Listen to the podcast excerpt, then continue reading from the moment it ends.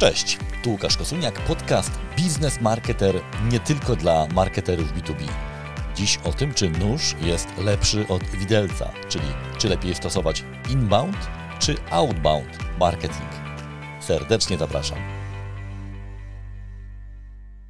Moi drodzy, dziś prowokacyjne pytanie. Nóż czy widelec? Albo widelec czy łyżka? Wiadomo, że są takie sytuacje, kiedy łyżka jest bardziej przydatna, bo ciężko nią zjeść kurczaka, a z drugiej strony no, zupę widelcem też trudno. To znaczy da się, ale zajmie to dłużej. Ja specjalnie używam tego dosyć dziwnego dylematu, y, bo zawsze przypomina mi się on wtedy, kiedy y, jestem pytany o to, czy inbound jest lepszy od outbound marketingu. To znaczy, czy lepiej jest stosować marketing wychodzący, ten nazwijmy go bardziej tradycyjnym, czy ten y, przychodzący, który w tej chwili jest bardzo modny. I to jest podobny wybór, moi drodzy. To znaczy, tak naprawdę to są narzędzia i musimy je stosować w zależności od okoliczności. Więc dziś postaram się y, trochę powiedzieć na temat specyfiki inbound i outbound marketingu w B2B oraz tego, jak warto jak można łączyć te działania. Zacznijmy jednak od y, samego początku. Y, o co chodzi w ogóle z tym, y, z tym podziałem? Tutaj mamy takie dwa, dwie grupy, dwie szkoły. Pierwsza jest taka, że ta nowocześniejsza, właśnie inboundowa, która mówi o tym, że warto jest przyciągać klientów, to znaczy sprawić, żeby to oni chcieli od nas kupić, żeby na początku chcieli od nas pozyskiwać jakieś treści, y, subskrybować i tak dalej. Na skutek tego edukują się samodzielnie. My nabieramy wprawy w budowaniu naszej bazy treściowej i wychwytujemy sobie, obserwując ich zachowania, stosując różnego rodzaju narzędzia, ten moment, kiedy najlepiej jest zaproponować im sprzedaż, a być może oni nawet bez proponowania sami przejdą gdzieś tam do koszyka zakupowego i tą transakcję skończą, czy też skontaktują się z naszym handlowcem, e, prosząc o na przykład o oferty. Oczywiście mówimy o takim świecie y, idealnym, y, który y, zazwyczaj nie istnieje, ale to jest pewien model, do którego zazwyczaj y, dążymy. Czyli y, tak naprawdę w inbound marketingu my y, przygotowujemy się, jesteśmy gotowi na to, że kiedy klient zada odpowiednie pytanie, zachowa się w jakiś odpowiedni sposób, czyli wejdzie na naszą stronę, zobaczy nasz post na LinkedInie czy Facebooku, wtedy my jesteśmy gotowi z treściami, które y, przykuwają uwagę tej osoby, następnie y, tą osobę y, no, zadowalają, czyli osoba widzi, że ten użytkownik widzi, że ta treść jest mocna, w związku z tym chce więcej, być może godzi się już na pozostawienie nam swoich danych w formie e-maila i zgody na komunikację, wtedy możemy uruchamiać dodatkowe kanały komunikacji i ogrzewać tego lida, w odpowiednim momencie przekazując go, y, go handlowcom. Specyfiką inbound marketingu też jest to, że niejako przy okazji, jeżeli treści są wysokiej jakości, to wpływamy bardzo pozytywnie na brand, na markę naszej y, firmy, czy na naszą markę osobistą, no bo to jest połączone, połączony mechanizm, czyli y, dzielenie się wartościowymi treściami, niejako przy okazji, chociaż to trzeba też dobrze za, zaprojektować, wpływa na to, że jesteśmy postrzegani jako firma lub jako osoba, y, jako ekspert.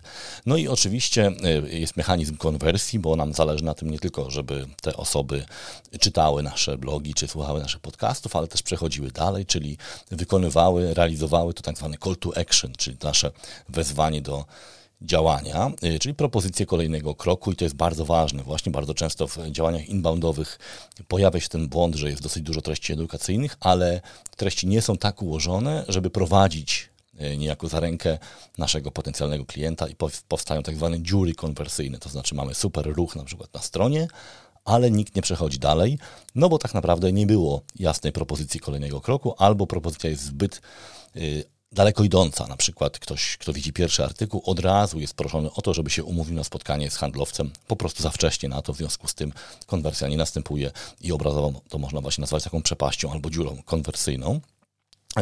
Inbound marketing, y, można powiedzieć, że funkcjonował y, od jakiegoś czasu, nawet przed pojawieniem się internetu, bo można go połączyć ze zjawiskiem content marketingu i tutaj y, to zjawisko sięga już ponad 100 lat.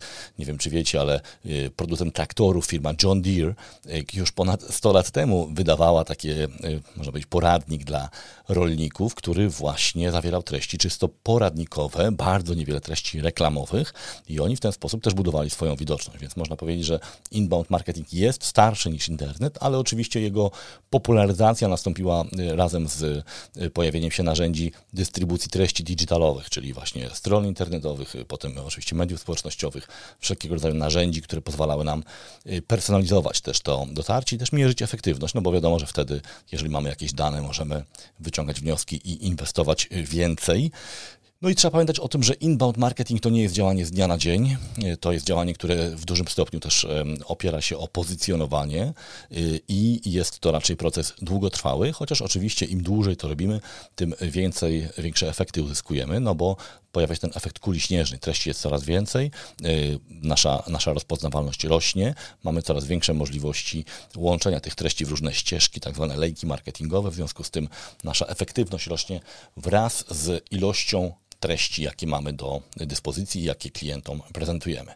No i dwa słowa na temat outboundu, który y, jest narzędziem y, szybszym, y, czyli nie czeka na zainteresowanie i generalnie chodzi o to, żeby mm, dotrzeć do klienta, zanim on jeszcze pomyśli o tym, że być może coś od nas, czegoś od nas y, potrzebuje. I to jest to tradycyjne podejście, które zazwyczaj jest y, mocno y, eksploatowane w takiej tradycyjnej sprzedaży, czyli y, prospecting, czyli docieranie do nieznajomych, czyli wszelkiego rodzaju cold calling, cold mailing, y, reklamy i tak dalej. No próba konwersji, czyli zainteresowania tych osób naszą y, ofertą. Oczywiście w B2B ten pierwszy kontakt, nawet jeżeli jest świetnie przeprowadzony i super udany, on nie gwarantuje nam sukcesu, w związku z tym jest ten potem proces utrzymania e, relacji z tym klientem, budowania tej relacji, e, e, rozpoznawania potrzeb, no i wreszcie sprzedaży i zadbania o to, żeby, ta, żeby klient po tej sprzedaży był też zadowolony, tak? czyli żeby dał nam rekomendacje, które nam pozwolą później pozyskiwać kolejnych klientów, powołując się na te rekomendacje. To w dużym skrócie outbound dużo bardziej znany, dużo bardziej popularny, szczególnie wśród firm, które tradycyjnie opierały swój model docierania klientów o narzędzia e, sprzedażowe. No i e, spróbujmy teraz w takim razie zastanowić się, kiedy inbound działa i jakie są warunki skuteczności, czyli wrócimy sobie znowu do inbound marketingu i zastanowimy się, kiedy ma sens stosowanie tego typu narzędzi. Przede wszystkim w momencie, kiedy odkryjemy, że nasz produkt jest mało popularny, albo nasza marka jest mało popularna, albo nie jesteśmy rozpoznawani jako producent tego typu narzędzia, albo jako wartościowy potencjalny partner, oczywiście mówimy w B2B, wtedy rzeczywiście y, no, y, rozwiązaniem jest działalność edukacyjna, czyli musimy naszych klientów wyedukować. No i o ile handlowcy są bardzo efektywni e, wtedy, kiedy już mają do czynienia z zainteresowanymi klientami, o tyle ta szeroka edukacja rzeczywiście jest dużo bardziej efektywna, jeśli mamy do, do czynienia, możliwość skorzystania z narzędzi właśnie kontentowych, narzędzi cyfrowych, ponieważ możemy dużo taniej docierać do tych, e, do tych odbiorców. No, wyobraźcie sobie chociażby to, co teraz robimy tutaj, czyli e, słuchacie podcastu, ja dzielę się jakąś tam wiedzą i nagrywam to raz, a potem setki czy tysiące osób będą sobie słuchać tych mm, moich wymądrzeń i część z tych osób być może uzna, że warto byłoby coś jeszcze być może posłuchać, jakieś inne odcinki, wziąć udział w webinarze, czy wreszcie y, skontaktować się ze mną, bo też takie sytuacje się pojawiają i rzeczywiście wtedy y, no, widać jest tą wartość. Ja chyba już wspominałem o tym, że jakiś czas temu miałem przyjemność takiej rozmowy, kiedy jeszcze jedna z pani potencjalnych klientów zgłosiła się do mnie, ja zacząłem tłumaczyć pewne podstawy, jakieś tam metody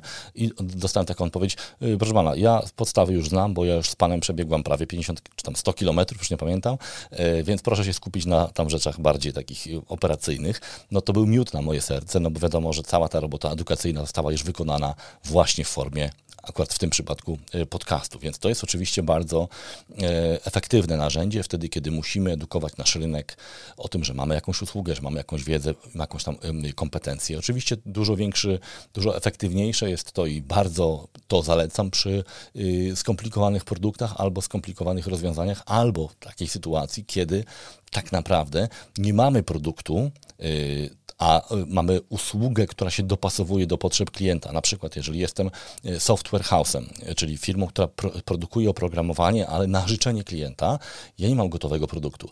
Ja mam kompetencje, ja mam jakość obsługi tego klienta, ja mam procesy, które uprawdopodobniają, budują moją wartość. No i to trzeba pokazać, o tym trzeba opowiedzieć. No właśnie w inbound marketingu ta część kontentowa jest niesamowicie ważna. Kompetencje komunikacyjne, storytelling tutaj świetnie się sprawdzają. Chociaż y, prawda też jest taka, że y, w inbound marketingu jest też wielu introwertyków, to znaczy ludzi, którzy no, nie szczególnie są wygadani czy są gadułami, a jednak świetnie sobie z tym radzą, ponieważ przygotowują treści bardzo y, precyzyjne, bardzo dobrze właśnie zresearchowane, nie leją wody, jest tam dużo konkretu i takie osoby często same tych treści nie prezentują, ale na przykład piszą artykuły albo piszą skrypty, czy przygotowują jakieś webinary dla, dla innych osób. No, oczywiście z korzyścią dla odbiorców, bo takie treści, ponieważ introwertycy właśnie nie lubią lania wody, to zazwyczaj te treści są dużo bardziej mięsiste, dużo bardziej y, konkretne.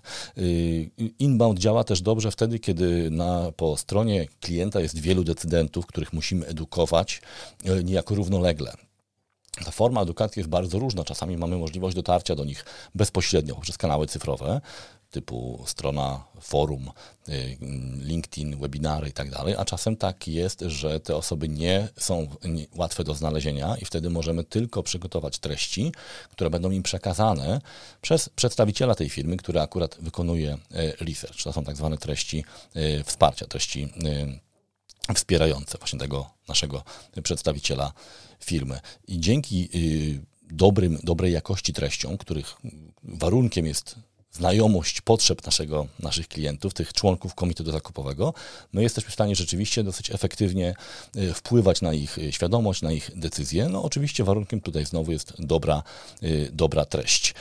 Oczywiście wysokiej jakości treści, regularnie serwowane, spójne tematycznie, budują właśnie to postrzeganie nas jako ekspertów, nas osoby i nas firmę, bo właśnie firmy eksperckie powinny posługiwać się w cudzysłowie, ale tak naprawdę współpracować ze własnymi ekspertami, ponieważ to jest najszybszy sposób na e, zbudowanie tego atrybutu, tego postrzegania naszej marki jako marki eksperckiej. Y, warunkiem, y, a tak naprawdę też dużym wsparciem dla działań inbound marketingowych, czy tych, kiedy my czekamy na, na klienta, próbujemy go, że tak powiem, zwabić, a potem utrzymać jak najdłużej, jest też stosowanie narzędzi digitalowych, na przykład takich jak marketing automation, które pozwalają nam tworzyć te wielowątkowe ścieżki komunikacji z naszymi klientami, przełączać się między kanałem mailingowym, SMS-owym, reklamowym, organicznym, po to, żeby jak najwięcej tych interakcji interakcji z klientem wywołać, bo wiemy o tym, ostatnio Forrester to ogłosił, że aby klient brał nas pod uwagę w ogóle jako potencjalnego dostawcę, potrzebuje potrzebuje ten klient około 27 interakcji, czyli kontaktów z naszymi treściami w różnej formie.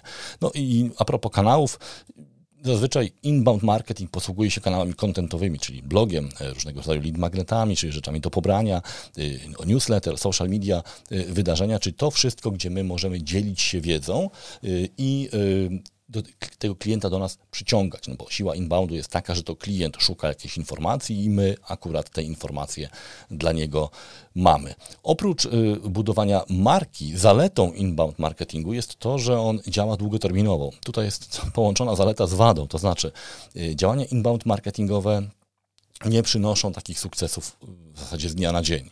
No, na przykład dlatego, że żeby być widocznym w wyszukiwarkach z naszymi treściami, trzeba poświęcić trochę czasu.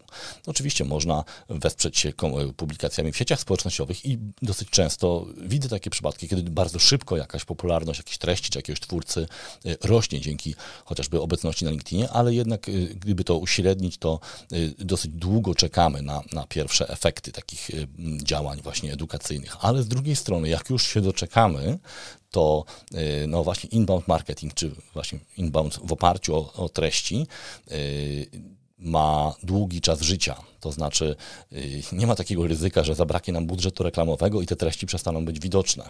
W odróżnieniu właśnie od outbound, czego, tego marketingu wychodzącego, który na przykład opiera się o reklamę. Tam zamykamy budżet, nie ma reklamy. Tutaj treść zostaje, treść jest spozycjonowana, y, tak naprawdę y, jej wartość może dopiero wzrosnąć, być może właśnie wzrost ruchu na stronie, część użytkowników będzie te treści polecać w takiej czy innej formie. Tak naprawdę nawet kilka miesięcy czy lat po publikacji ta treść, o ile jest dalej istotna i atrakcyjna dla odbiorców, jej popularność może być ciągle bardzo wysoka. Oczywiście warto też te treści aktualizować, rozwijać, łączyć ze sobą, dodawać y, pewne elementy po to, żeby właśnie treść pozostała aktualna, też żeby te wszystkie boty indeksujące widziały, że ta treść y, żyje. Wspomniałem już, że, że inbound jest dobry dla introwertyków, no właśnie szczególnie dla tych ludzi, którzy no nie mają takiej mocy, y, że jak cię ktoś wypchnie drzwiami, to wchodzisz oknem. Introwertycy wolą się przygotować, wolą zebrać dane, wytłumaczyć coś, właśnie stworzyć kontent, napisać być może coś, po to, żeby nie mieć takiego, y, zmniejszyć tą obawę tego syndromu oszusta, tak? czyli że ktoś mi zarzuci, że ja nic nie wiem, albo że, że właśnie mówię o czymś, na czym się nie znam.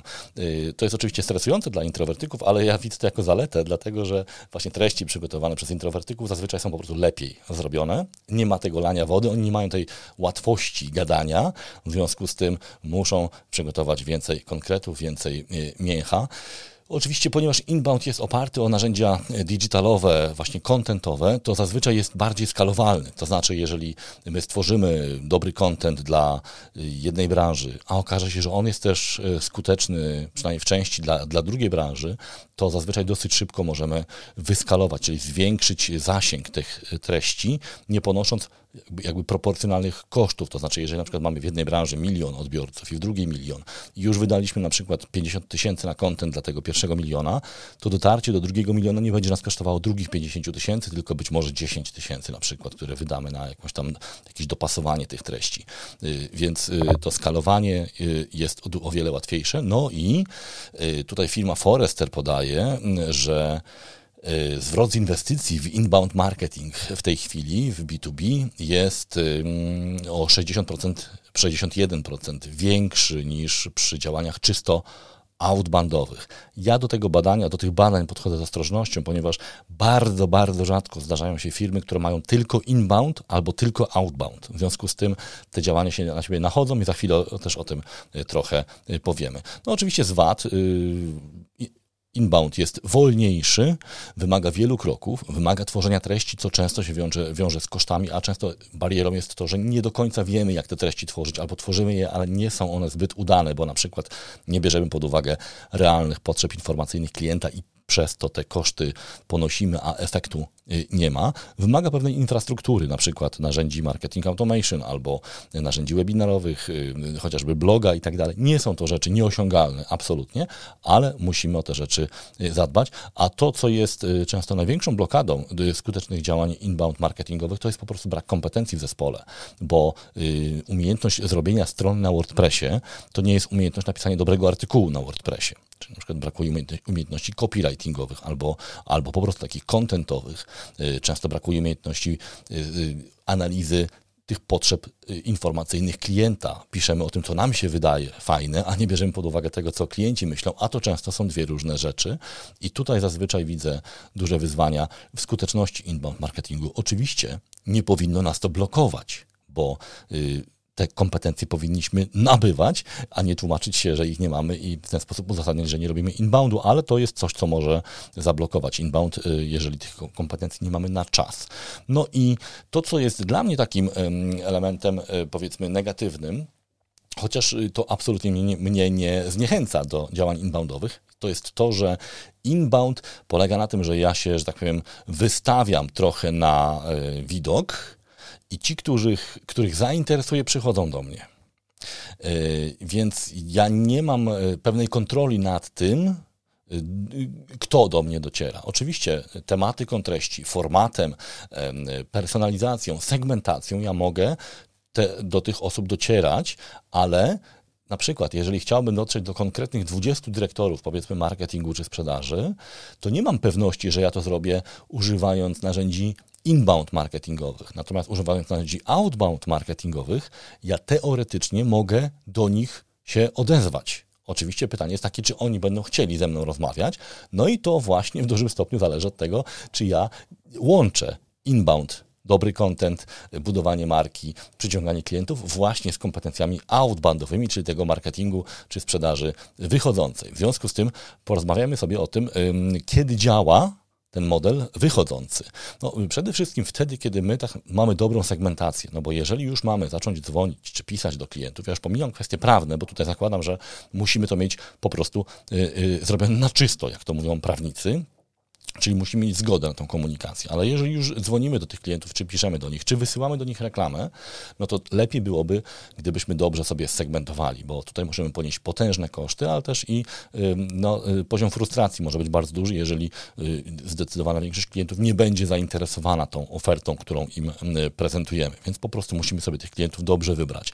No i moi drodzy, tutaj jest pierwszy styk inboundu i outboundu, to znaczy o wiele lepiej działają działania te wychodzące, wtedy, kiedy klienci, do których docieramy, w jakiś sposób mm, zetknęli się z naszymi treściami już y, y, już wcześniej.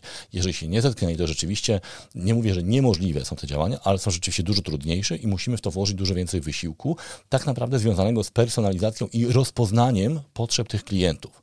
Y, czyli w działaniach outboundowych, jeżeli chcemy zrobić albo skuteczną reklamę, albo skuteczny cold calling czy cold mailing, to to nie może być działanie masowe Właśnie bardzo często myli się ten outbound marketing z takim bezmyślnym spamem, który wysyłamy do 10 tysięcy ludzi, a być może ktoś się odezwie. No właśnie nie. Im, e, jeżeli chcemy być skuteczni w outbound marketingu, czy marketingu wychodzącym, to my musimy tak naprawdę bardzo dobrze rozpoznać potrzeby informacyjne tych naszych odbiorców, czyli dokładnie ta sama robota, którą wykonujemy tworząc treści, czyli zobaczcie, dlaczego opłaca się to robić wspólnie, bo ten sam research pozwoli nam i stworzyć dobre treści i być może też przeprowadzić dobrą rozmowę e, tą e, wychodzącą.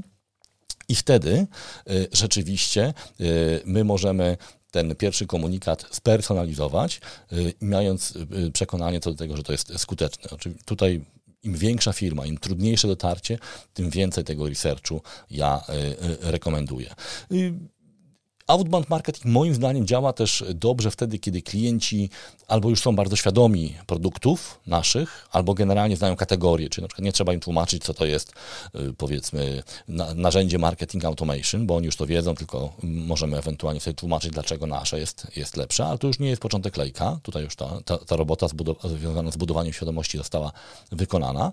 Y, i y, tak naprawdę wtedy ten outbound zaczyna dobrze działać, szczególnie wtedy, kiedy połączymy go z inboundem na początku, ta skuteczność jest coraz większa.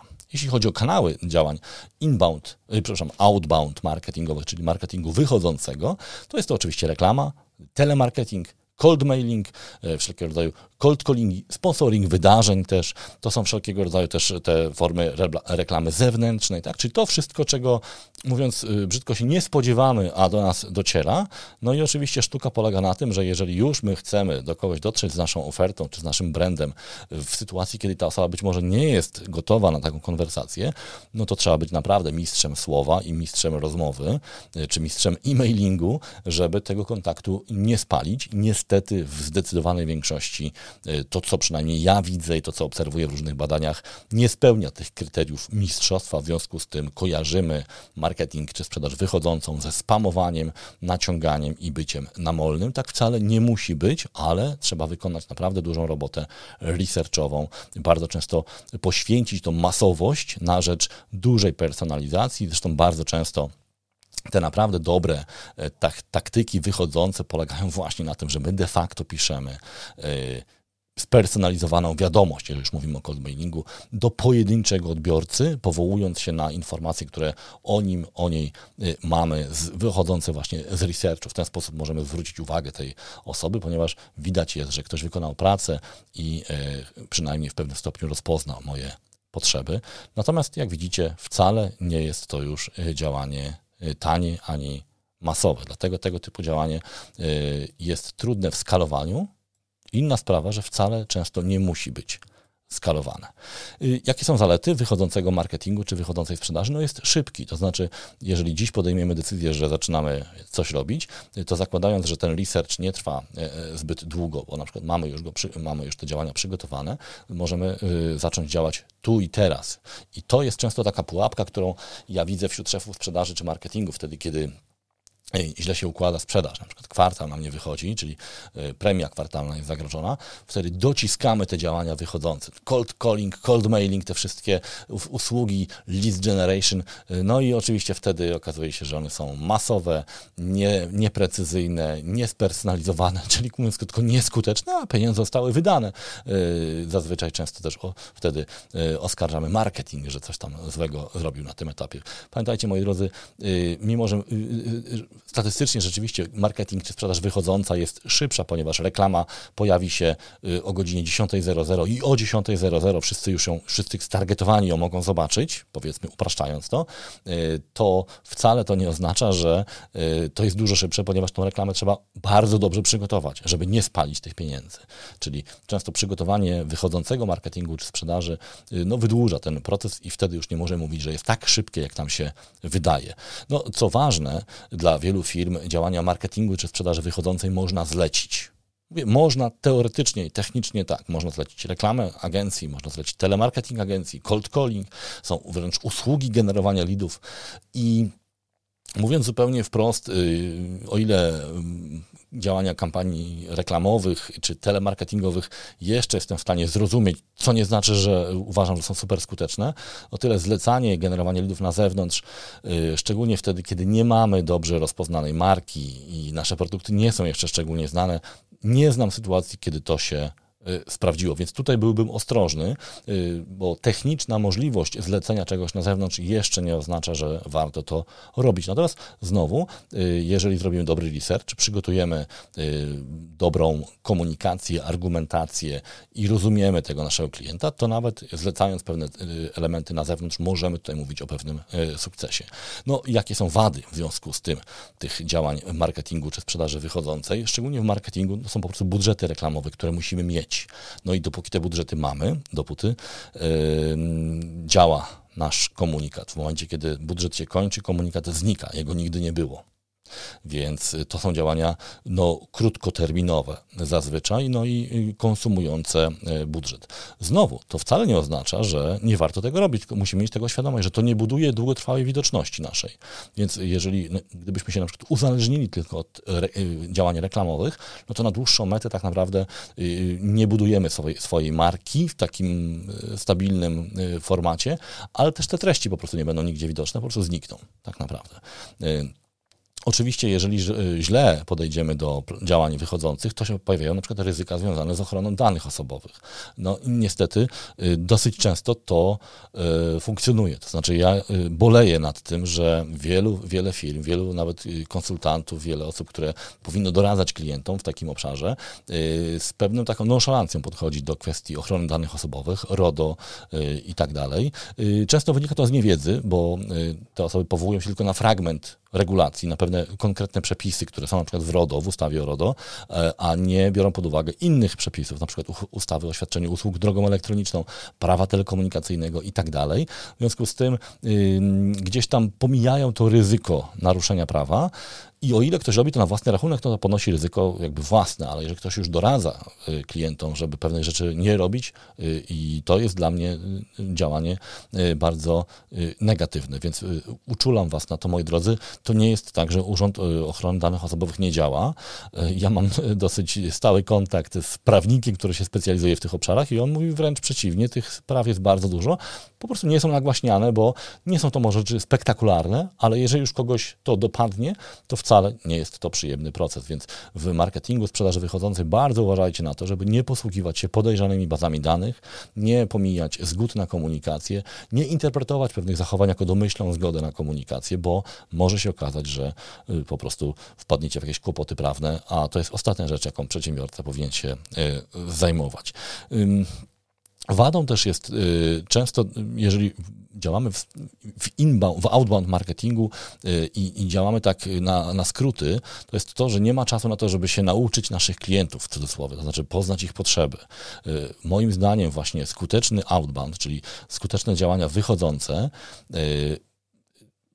ich warunkiem jest dobre rozpoznanie, do kogo my mamy się odezwać. Czyli y, tak jak Wam y, tutaj mówiłem na początku, czasami bardziej opłaca się napisać cztery wiadomości do ludzi, y, tak jakbyśmy pisali do, po prostu do nich, tylko do nich, właśnie zrobić research, y, rozpoznać, nie wiem, spojrzeć na stronę, wyciągnąć jakieś wnioski, coś zaproponować, niż pisać jedną wiadomość do tysiąca osób, licząc na to, że na pewno ktoś się odezwie.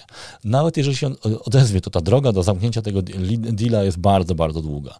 Więc y, jeżeli robimy marketing czy sprzedaż wychodzącą, to również ten research, to uczenie się klientów też jest bardzo ważne. Natomiast wpisałem to po stronie VAT, ponieważ znowu większość klientów nie robi tego, czyli wysyła wiadomości niespersonalizowane, bezwartościowe, z jakimiś różnymi trikami, y, jakąś, jakimiś dziwnymi heurystykami, które tam stosują. Ja uwielbiam zbierać te wiadomości. Pamiętam, że właśnie są takie sekwencje, tu Panie Łukaszu, tutaj widzę, że jest Pan zajętym człowiekiem, więc jeszcze raz się przypomnę. Y, druga wiadomość jest już taka mniej y, przyjemna. Trzecia już mówi o tym, że w zasadzie traci Pan mój czas, więc może da mi Pan w końcu numer telefonu do swojego szefa, bo, bo widzę, że Pan nie jest decyzyjny i tak dalej. Są fascynujące y, triki, ale zdaję sobie sprawę, że dla innych osób może to być po prostu bardzo, bardzo irytujące, y, a na pewno w większości przypadków nie jest y, skuteczne, więc trzeba też uważać na to, żeby nie, nie frustrować naszych klientów. No oczywiście wtedy, kiedy chcemy budować tą markę zaufanego dostawcy, firmy, która jest postrzegana jako firma ekspercka. No, jeżeli ktoś liczy na sukces w jednym sezonie, a potem znika i będzie się opalał do końca życia e, na plaży, no to być może to jest jakieś rozwiązanie, którego ja oczywiście nie pochwalam, ale być może ono jest e, skuteczne. Moi drodzy, podsumowałem trochę wady i zalety inbound i outbound marketingu, a teraz właśnie zmierzę się z tym takim przekonaniem o tym, że to są zupełnie dwie różne, e, dwa różne zjawiska. Moim zdaniem tak nie jest.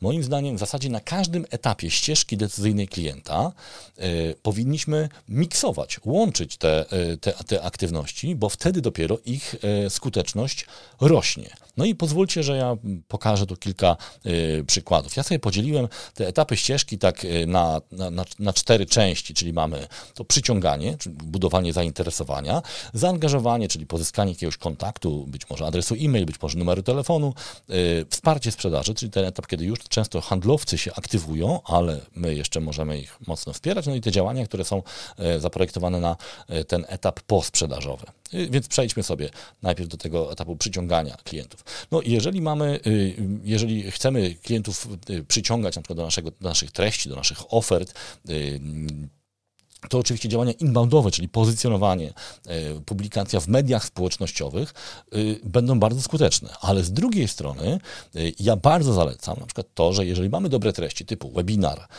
jakieś lead magnety typu e-booki, raporty i tak to warto je promować Y, płatnie, czyli już stosować działania y, wychodzące. Dlaczego y, ja tak to rekomenduję. Zauważyłem, że dosyć często klienci biznesowi narzekają na skuteczność reklam w sieciach społecznościowych, szczególnie na Facebooku i na LinkedInie. Szczególnie na LinkedInie, bo jest drogi, bo jest droższy. Tak, tak jest przynajmniej e, przekonanie popularne, chociaż nie zawsze tak jest.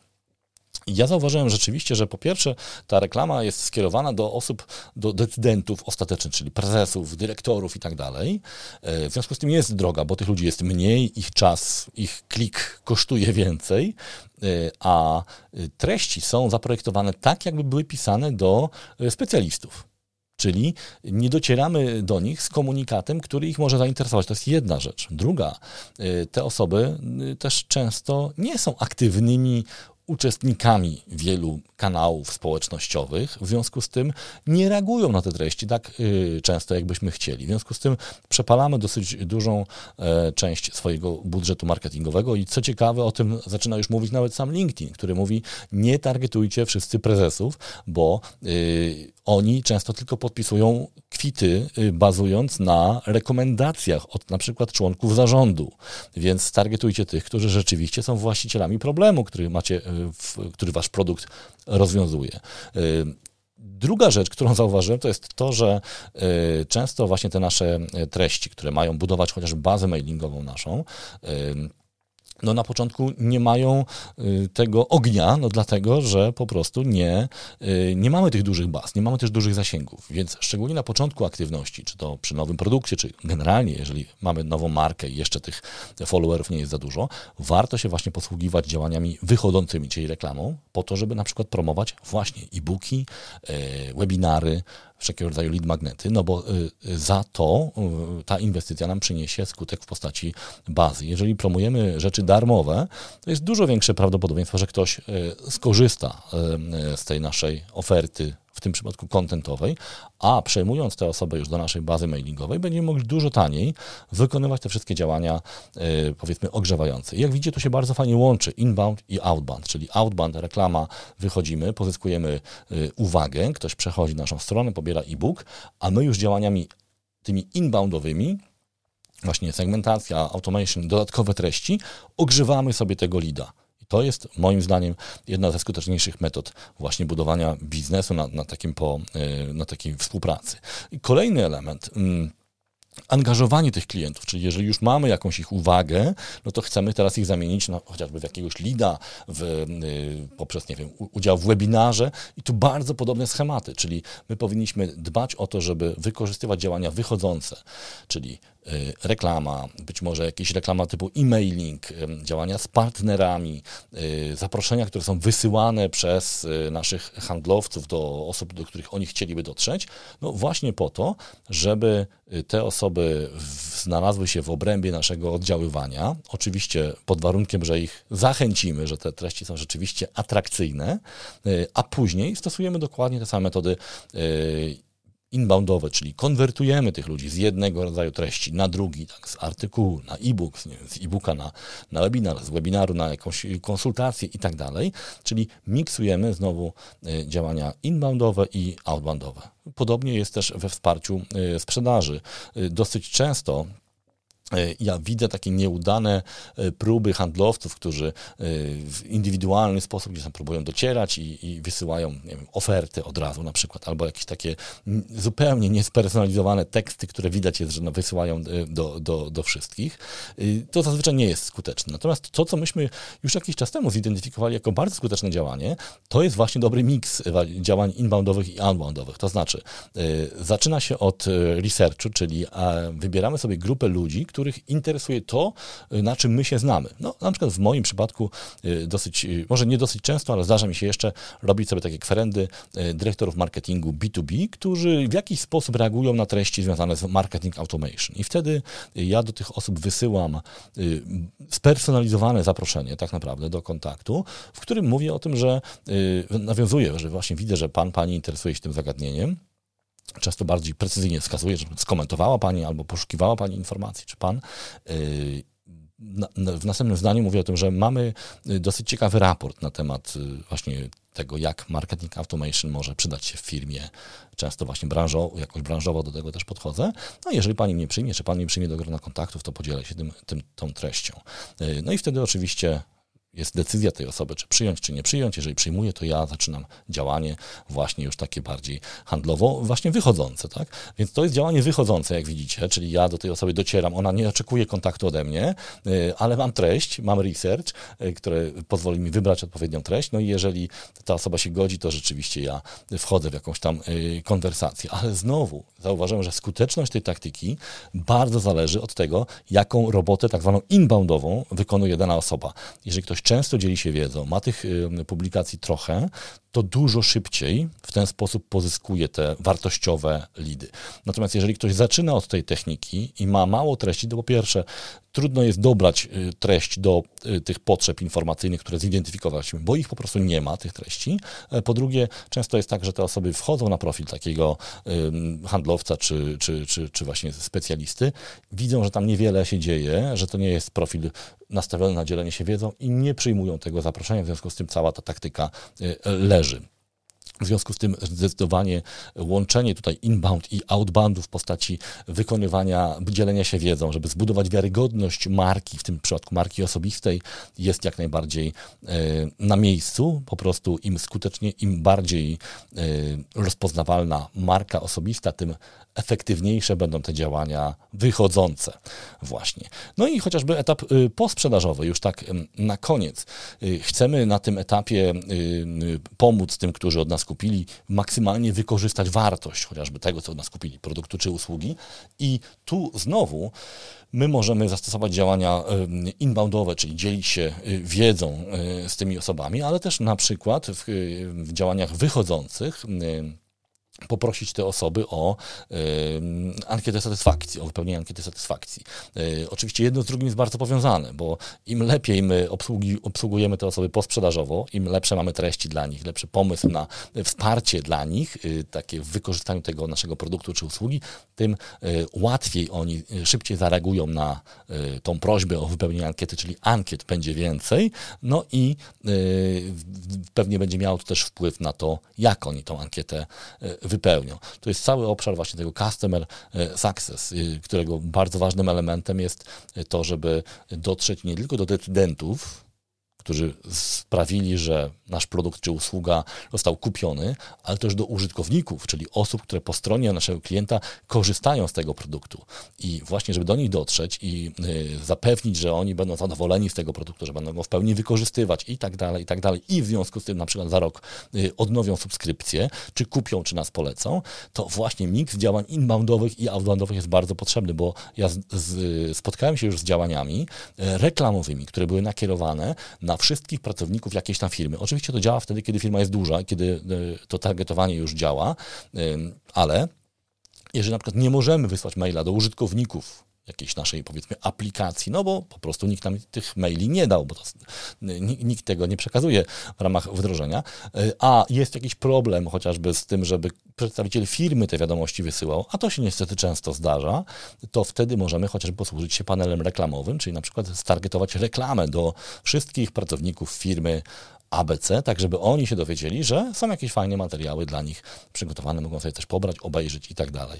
Więc jak widzicie, znowu, nawet na etapie y, końcówki tego naszego procesu, albo jak to mówią inni, początku, no bo jeżeli to jest subskrypcja, to, to jest po prostu zamknięte koło, ono się nigdy nie kończy, ta, ten, ten proces, możemy wykorzystywać działania i marketingu, wychodzącego i e, przychodzącego.